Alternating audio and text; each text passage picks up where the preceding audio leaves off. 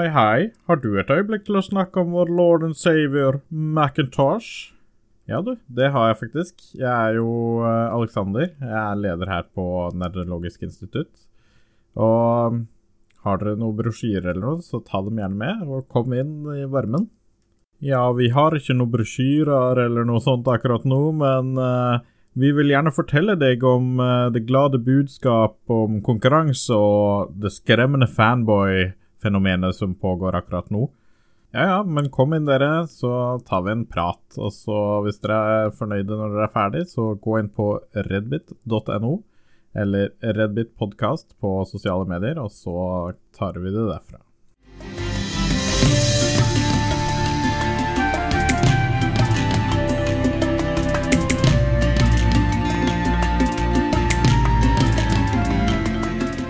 Nå sitter jeg med mitt gigantiske vannglass, og da er det jo egentlig bare å ønske dere alle sammen velkommen. Takk for at dere hører på meg. Jeg har ikke fått besøk i studio her, hvis dere trodde det, men uh, jeg skal snakke om Apple i dag, og egentlig Apple versus Windows, eller fanboy-kulturen rundt Mac og PC, da, egentlig.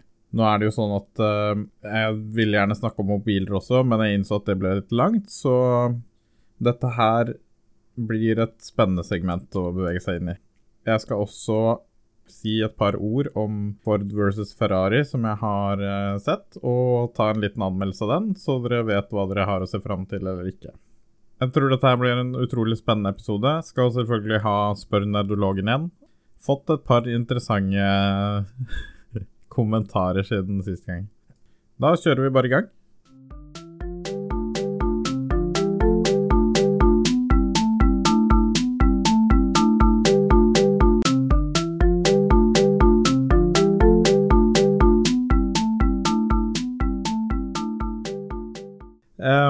Hadde egentlig tenkt å ha et veldig langt segment om selve fanboy-konseptet, men jeg tror jeg kanskje sparer det til en annen gang. Og så tror jeg vi bare går rett nå inn på det som spåna på en måte denne her ideen i hodet mitt. På, eller ikke fanboy-ideen, men tanken om å ta en eh, Mac versus PC-greie. Og det er eh, selvfølgelig den nyheten om den nye Mac Pro-en, som har en prislapp på 596 439 kroner her i Norge. Det er den heftigste versjonen, riktignok.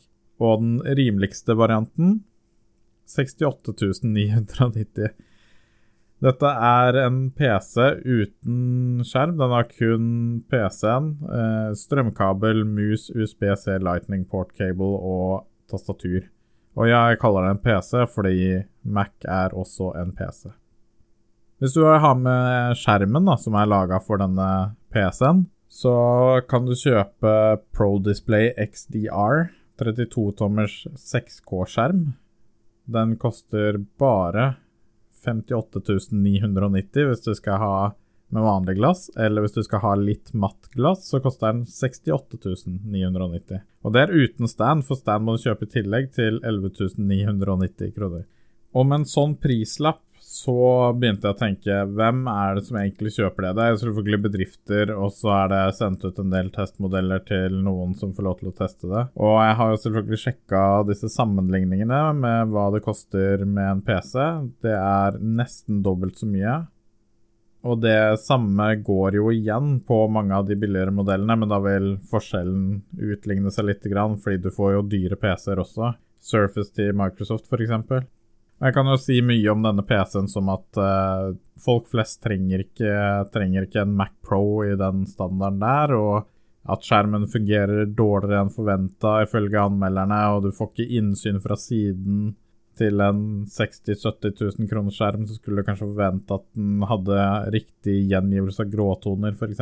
Men istedenfor å bare ta en review av noe som jeg faktisk ikke har fått lov til å teste sjøl, fordi jeg ikke har en halv million kroner å bruke på en PC uten skjerm, så, så har jeg tatt saken i egne hender når det kommer til å sammenligne dette her da, med, med, PC, og da egentlig hvorfor bruker man så mye penger på, på elektronikk? Og som regel så kommer dette an på én og to ting.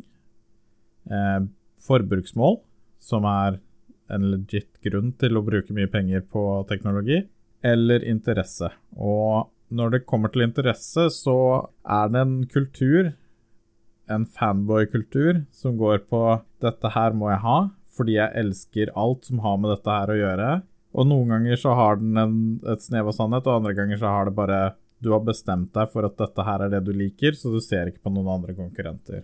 Og jeg liker å tro at jeg kan være objektiv i min sak, men selv jeg har jo fanboy-gener i meg som gjør at jeg foretrekker Google og Microsoft-produkter over Apple-produkter. Det har noe med, For meg så har det mye med pris å gjøre. Jeg vet at de leverer kvalitet, men jeg syns ikke det er gøy å betale for overprisa hardware som er mindre tilpasningsdyktig enn det jeg trives med. Men eksempel så kjøpte jeg istedenfor å kjøpe Google Pixel 3 eller 4, så kjøpte jeg en Asus-telefon som uh, bruker Android-operativsystemet, selvfølgelig, men rett og slett fordi den hadde mye bedre hardware enn det Google kunne gi meg. For meg så er Specs og hvor bra produktet er, det aller viktigste. Og jeg kan innrømme at Apple lager gode produkter, men som alle, som alle teknologiinteresserte, så har man en litt subjektiv forutinntakelse. Så jeg har bedt eh, mine venner på Facebook om å delta i denne debatten og komme med sine beste argumenter for hvorfor man skal kjøpe Mac framfor PC. Og jeg fikk mange argumenter på andre Apple-produkter også, men nå, skal jeg hovedsakelig snakke om Apple PC versus uh, type Microsoft PC. Og Det er mange forskjellige meninger der ute. Det er ikke alt som, er, uh, alt som stemmer. Det er mange gamle myter osv. som uh, jeg har tenkt å prøve å nøste opp litt i dag. Så da er det bare å følge med. Det er noen som sier at de har en fot i begge leirer. De har Mac-produkter, og de har Windows-produkter. De bruker Apple i Eh, på privaten, f.eks., men så er de avhengig av å ha en Microsoft OS-PC. Eh, og generelt det som går igjen med fordelene med PC, som jeg, som jeg, ser, er muligheten til tilpasning, og at man er mye friere i valg av hardware og software og sånne ting. Og det har jo også sine fordeler og ulemper, fordi fordelene til Apple her er jo at siden de lager alle produktene selv i utgangspunktet, eller i hvert fall bestemmer spesifikasjonene selv, så kan de også ha en mer, mer helhetlig bruk da, av eh, programvare og hardware som fungerer godt sammen. Og det som går veldig mye igjen av uh, hovedargumentasjonen, som jeg var litt inn på, er at uh, Apple har sømløs integrering mellom produktene, f.eks. remote desktop og hands off. Nå vil jeg si at uh, det får du gjennom Google også, og Google fungerer kjempebra på en Microsoft PC. Jeg bruker Google sin remote desktop så utrolig mye, for den fungerer. Den fungerer uansett. Den er bedre enn uh, de fleste tredjepartsprogrammer der ute. I hvert fall til egen privat bruk. Da. Et annet argument som går igjen, er at den krasjer så å si aldri. Nå skal det sies at jeg har en PC Eh, eller jeg har egentlig flere PC-er i mitt liv som krasjer så å si aldri. Nå skal jeg ikke si at det aldri skjer på Windows 10, men det skjer færre ganger. Og hvis det skjer, så er det en gjerne, eller ofte en rimelig årsak til det. Den kan være en ny oppdatering eller sånne ting. Men det som jeg tror kan være litt på Mac, da er at ja, kanskje den krasjer mindre, men jeg har jobba med mange Mac-PC-er og Apple uh, iPhones, og det er sjelden at de krasjer, men jeg føler det er oftere at de henger seg opp, og at du må reboote devicen. Og Det er ikke sikkert du har opplevd det, men det skjer. Så det at den krasjer mindre, ja, det kan hende. På Microsoft-produkter så er ikke det så veldig farlig. Den tar som regel backup på husker hvor det var, så du kan starte opp igjen med samme programmene etterpå uten problemer. Men det er veldig sjeldent at du trenger å bruke svenskeknappen lenger på en PC, og jeg føler at de som ofte bruker dette her med at en Mac krasjer aldri som argument, har ikke hatt eller brukt PC mye de siste årene, som er en nyere PC med, som er oppdatert på programvaren. Men jeg vil gjerne prøve Jeg kunne gjerne prøvd en Mac over lengre tid og sett om den faktisk aldri krasjer. Kanskje det hadde vært en morsom uh, YouTube-video. Crash my Mac. Så kommer selvfølgelig argumentet med redigering opp, og både musikk- og filmredigering uh, skrytes da på Mac fortsatt. Historisk sett så stemmer det ganske bra, men uh, Microsoft har et større utvalg av gode videoredigeringsprogrammer, og for den saks skyld lydredigeringsprogrammer, Så nå finner du top notch, high class klippere og film, musikkredigerere som, som kan jobbe på Microsoft PC uten at det er et problem. Men det er klart, i enkelte miljøer så vil kanskje folk fortsatt se rart på det. Det vil være en stigma som henger igjen fra gamle dager på at du bruker en PC til å redigere istedenfor en uh, Mac. Og jeg kan være den første til å innrømme at jeg syns GarageBand, som er uh, Mac-only-produkt, ser veldig sexy ut til å redigere lyd i, og kunne gjerne tenkt meg å prøve det. Men det er ikke dermed sagt at jeg nødvendigvis foretrekker Mac i andre scenarioer, eller at Mac er det eneste som kan utføre jobben. Jeg klarer jo fint å klippe podkastene mine sånn som det er nå, i et gratisprogram som funker til Microsoft. Men jeg bare sier at det programmet ser veldig bra ut, og det kunne jeg gjerne tenkt meg å prøve. Så er det dette med intuitivitet. Da. Det er også et argument som kommer opp veldig ofte. Nå har jeg fått meldinger om at folk syns at uh, Mac er mer intuitivt. Nå er det bevist flere ganger på forskjellige forsøk at PC faktisk er hakket mer intuitivt for de aller fleste av oss. Det er selvfølgelig veldig vanskelig å finne noen som aldri har vært uh, borti noen uh, Microsoft-produkter eller Apple-produkter, og få de til å sette seg ned og prøve nye ting. Men det finnes folk der ute som f.eks. bare bruker Mac eller bare bruker Windows, og så får du de til å bytte, og så blir det selvfølgelig litt subjektivt, men det er uansett hvordan du ser på det, så er det ganske jevnt nå. Og for min del, da, som kun sitter på PC, så er ikke Mac intuitivt i det hele tatt. Det virker utrolig overkomplisert i veldig mange ting. Men det er klart, når du jobber med IT, så må du innom en del innstillinger som folk flest ikke er borti, og folk flest eh, sier kanskje 'jeg vil ha Mac fordi det bare fungerer', noe som nødvendigvis ikke er feil. Men i mange tilfeller da så bruker du kanskje ikke hardwaren eller programvaren din til det ytterste. Og da er spørsmålet er det så mye verdt for deg at det bare funker, noe som for så vidt en Windows-PC også gjør, straight out of the box, at du syns det er verdt å betale den ekstra prislappen da, som Apple ofte slenger på. Så er det jo dette med virus, da. Det er noe som jeg stadig ser. Folk sier ja, hvis du har Mac, så får du ikke virus, eller tidligere var det sånn at du ikke fikk virus på Mac. Sjefer for store sikkerhetsselskaper har faktisk sagt at Mac-OS-et er mer utsatt for virus enn det alle Microsoft Windows-versjonene er til sammen. Og det de mener med det, er ikke at sjansen for å få det er like høy, men at uh, risikoen for å få virus på Mac er like høy. At det er like lett å infisere en Mac som en PC, eller faktisk ifølge han lettere å infisere en Mac enn en PC. Så da er spørsmålet hvorfor får ikke Mac-brukere, eller hvorfor er dette ryktet spres det rundt fortsatt? Og Det er rett og slett fordi at de fleste virusprogrammer som blir lagd, er designa for Windows-produkter, og en av grunnene til det er at hackere ofte sikter seg inn på myndigheter og kommuner, statlige regjeringer osv. Og, og de aller fleste av de sitter på Microsoft Windows-produkter, så da blir de designa for det. Men det finnes mange Mac-virusprodukter der ute også, og trojanere, som har infisert mange tusen Mac-brukere. Og det var jo en uh, bloom av det i uh, 20, januar 2018, blant annet. Hvor flere tusen ble infisert med et virus. Jeg har også sett uh, at flere argumenterer for at Mac ikke får mye virus fordi de har sofistikert antivirus. Nå er det faktisk sånn at Microsoft Windows Defender har blitt utrolig bra på sånne ting, og du har flere funksjoner som hjelper deg mot f.eks. ransomware. Da. Det er vanskelig å si om Apple sin innebygde antivirusbeskyttelse er bedre enn Microsoft sin, eller omvendt, fordi de ikke blir infisert med de samme virusene. Men det kan hende at uh, man må tweake litt mer på Microsoft for å få den ultimate eller optimale antivirusbeskyttelsen, men det kan også hende at man burde ha gjort det på Mac også, for å få den optimale beskyttelsen. Men med myten om at man ikke får virus på Mac, så gjør de færreste det, og dermed risikerer å være mer utsatt for virus. Og man vet ikke om eh, det i fremtiden vil snu. Det kommer nok an på hva regjeringer, myndigheter osv.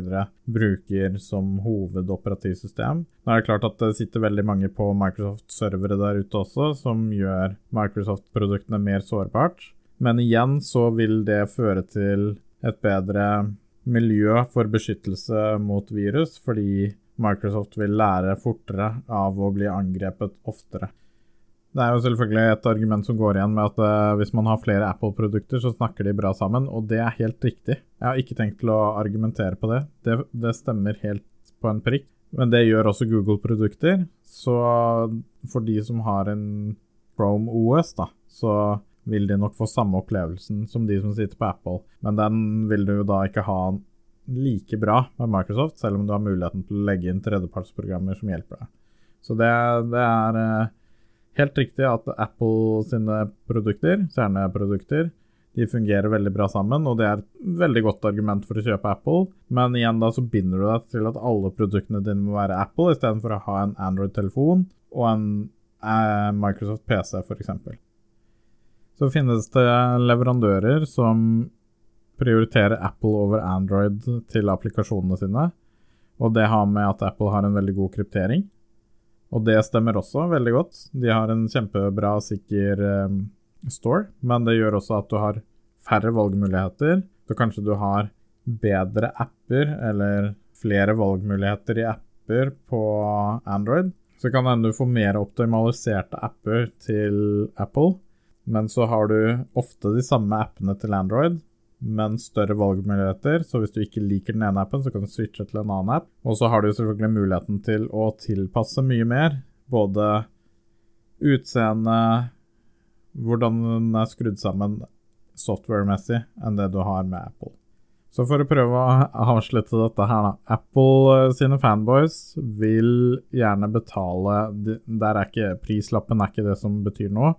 De vil gjerne betale for litt overpris av hardware for å få noe eh, som er standardisert, og som de bare starter å bruke uten å tenke på noe med tilpasning. Mens for folk som er mer IT-interesserte, så vil Microsoft og Google tilby større valgmuligheter, flere fordeler når det kommer til å være fri, hvordan du vil sette sammen uh, gadgetene dine på bekostning av eventuelt hvor sømløst det fungerer sammen. Så igjen, som en IT-interessert person, så vil du få mindre ut av Apple-produktene, og du vil betale mer enn det det smaker.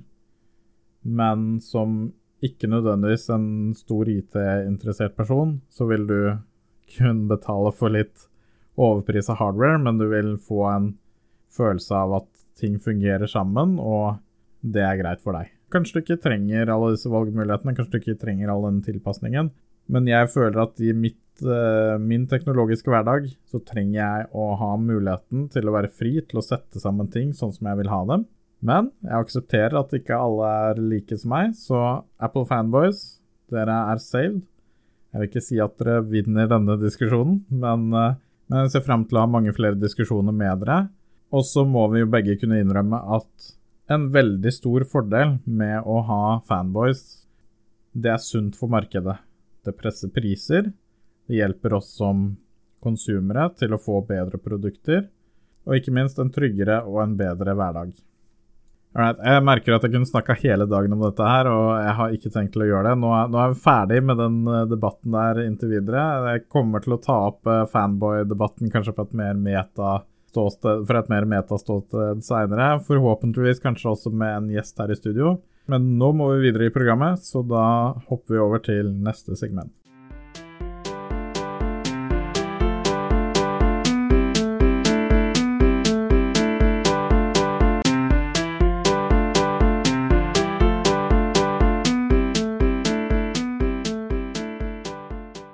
Ok, så siden forrige terapisesjon, da, så har jeg sett Ford versus Ferrari, eller Ford ved Ferrari, som er Oscar-nominert til beste film, beste filmediting, soundmixing og soundediting. Og den handler om Carol Shelby og Ken Miles, som skal bygge en uh, ny racerbil for uh, Ford. Og ta opp kampen da mot Ferrari, som var ledende i de fleste lange race på 60-tallet. Filmen uh, fokuserer veldig mye på Ford-siden av denne kampen, selvfølgelig.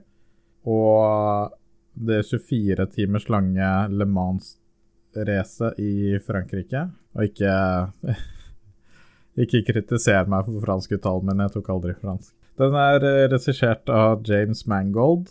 Uh, Matt Damon og Christian Bale spiller uh, hovedrollene. Det er jo veldig gode skuespillere, men det synes ikke så godt i denne filmen, ut ifra mm, det jeg kunne se. Jeg synes det tyder på kanskje dårlig regi, eller kanskje litt dårlig manus. Det tar lang tid å bli investert i karakterene. Må ca. en time ut i filmen før du liksom får noe særlig følelser for dem. Men det er pen cinematografi, og filmen er generelt sett veldig fint uh, eh, filma og lagt frem. Blir presentert på en veldig vakker og fin måte. Manuset her er svakt når det kommer til dialog, men sterkt når det kommer til historie. Jeg skal ta og forklare det litt mer. Og det er nok ikke bare manuset sin skyld heller. Her er det jo en kombinasjon av regi og klipp. Men dialogen i denne filmen er mer en monolog. Det er mangel på kommunikasjon mellom skuespillerne, og mer one-linere som blir presentert mellom karakterene. Så det virker ikke som, man, som om skuespillerne eller karakterene ak eh, aksjonerer eller reagerer på det som blir sagt men at de kun på en måte sier sine replikker som en respons på det som ble sagt, uten at det blir en ordentlig flyt i samtalene. Og flyt er på en måte nøkkelordet i hele denne filmen. Jeg føler den mangler flyt i hver eneste scene hvor det er dialog. Det virker som om den er lagd som at hver scene skal kunne brukes som en egen liten trailer, og det virker veldig destructive, da, i mangel av et bedre ord. Så virker det forstyrrende og skaper problemer da, for flyten. I tillegg til det så dikterer replikkene hva du skal føle og tenke om det som skjer. Eh, den gjør at implisitte scener blir ekstremt eksplisitte og kontrollerer på en måte hva du skal tenke i enhver gitt situasjon. Som for eksempel det er Carol Shelby, han er eh, kul og tøff. Istedenfor at du opplever at han er kul og tøff, eller i tillegg til at du skal oppleve at han er kul og tøff, så må du si det òg, akkurat som du ikke tror på en måte at uh, vi som seere legger merke til de detaljene de har lagt inn i koreografi, um, kostyme og design. Og det blir veldig frustrerende. Det virker veldig barnslig på en måte. Men historien eller plottet i seg selv er veldig spennende, det er basert på en virkelig hendelse som kanskje gjør at man blir litt mer fengsla av historien. Noe som er en veldig god ting når karakterene fremstår så svake som det de gjør. Totalt sett så vil jeg gi denne filmen terningkast tre. Jeg syns ikke den var spesielt bra. Jeg syns definitivt ikke den fortjener å vinne Oscar for beste film.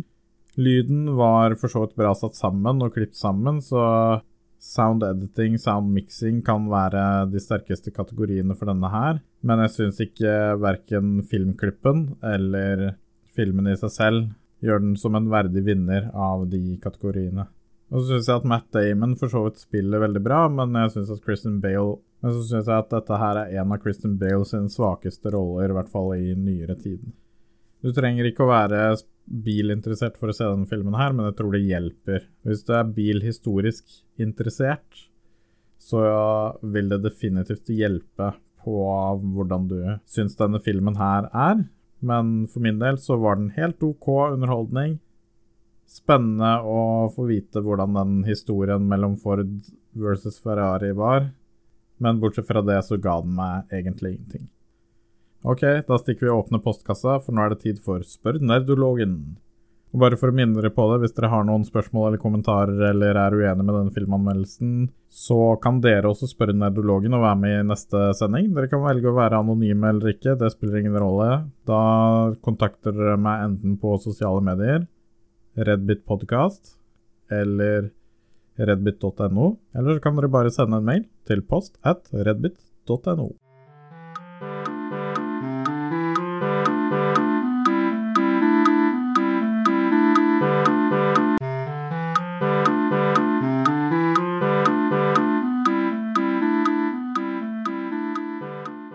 Ok, så jeg har fått et spørsmål om hva er egentlig cinematografi, og det passer jo veldig bra at jeg får det spørsmålet, for det er jo et begrep som jeg bruker veldig ofte når jeg anmelder eller snakker om film. Og cinematografi-begrepet betyr i seg selv kunsten eller teknikken for å skape gode, bevegelige bilder eller film. Og det er jo sånn at Regissøren er sjefen på settet og bestemmer hvordan, bildene, hvordan han vil at bildene skal se ut, men cinematografen, eller regissøren for bildet, er, bestemmer hvordan kameraene skal være vinkla, hvordan lysene skal være satt opp osv. for å få de bildene som regissøren syns er bra nok. da. Så cinematografen har egentlig kontrollen over faktiske kamera, mens eh, regissøren har kontrollen over hvordan han vil at det skal se ut. Så er det ofte sånn at en god cinematograf kan få regissøren til å endre mening i form av at de setter opp gode, bevegelige bilder som regissøren liker bedre kanskje enn det som var planlagt. Cinematografi er veldig viktig i film fordi det skaper en stemning. Det skaper vakre, fine bilder, eller kule, tøffe bilder, eller dystre, mørke bilder som setter deg i riktig stemning, men også skal få deg til å føle det som om du er der, og som skal være troverdig. Den skal være et ekstra lag. Hvis du setter alle komponentene sammen, blir det på en måte, skal det på en måte bli den perfekte film. Og En film som jeg liker å ta fram som et godt eksempel på perfekt cinematografi, er The Revenant. Der cinematografen faktisk vant en Oscar for måten bildene var komponert og satt sammen, og hvordan han valgte å vinkle kameraer, lys osv. Cinematografi betyr altså kunsten og teknikken å sette opp de perfekte bildene til filmen. Og så til slutt, i spalten Spør nerologen, så skal jeg ta frem en liten klage, eller irettesettelse, som går på at jeg kanskje har vært litt hard i kritikken mot uh, eh, f.eks. skaperne av den forrige Ghostbusters-oppfølgeren, hvor jeg sikkert uh, kom til å kalle dem idioter, og irettesettelsen går på at uh, folk er ikke idioter automatisk bare fordi de gjør noe idiotisk, eller tenker idiotiske tanker, og det er helt riktig, men noen ganger så går det litt fort i svingene, og folk som gjentatt gjør idiotiske ting, betegnes jo ofte som idioter, men noen ganger så går det jo rett og slett bare litt fort i svingene, og jeg er helt enig. Det er ikke sånn at folk er idioter bare fordi de gjør noe idiotisk, men hvis de gjør mange idiotiske ting, så er de jo kanskje per Eller hvis de kun nesten gjør idiotiske ting, så vil jeg jo per definisjon kalle de en idiot. Men det er ikke nødvendigvis sånn at uh, skaperne av den filmen er idioter, men filmen i seg selv var idiotisk. Så det var bare det jeg ville si, og takk for, takk for den irettesettelsen. Jeg skal prøve å unngå å forsnakke meg når jeg blir revet med neste gang, men jeg kan ikke love noe. Men det er bare å, bare å spamme meg ned med, med klager og irettesettelser hvis, det, hvis, dette er noe som plager deg, eller du har andre ting som plager deg. Så det er bare, bare ta det opp. Post at redbit.no, så havner det hos Spør nerdologen. Det var alt jeg hadde for dere denne gangen, så jeg har ikke fått satt sammen noe fancy outro til dere, men jeg håper dere tåler det. Jeg vil bare takke for at dere har hørt meg i dag, og håper at dere vil fortsette med det. Det ligger litt info til dagens episode også på redbit.no. Og ellers så er det bare å følge meg på sosiale medier og følge meg på Spotify, iTunes, sånne ting som det, så dere får vite når det kommer en ny episode. Hør gjerne på de eldre episodene mine hvis dere ikke har hørt på de allerede. Det setter jeg veldig stor pris på. Ikke glem å betale damen i skranken før dere går. Ha det bra!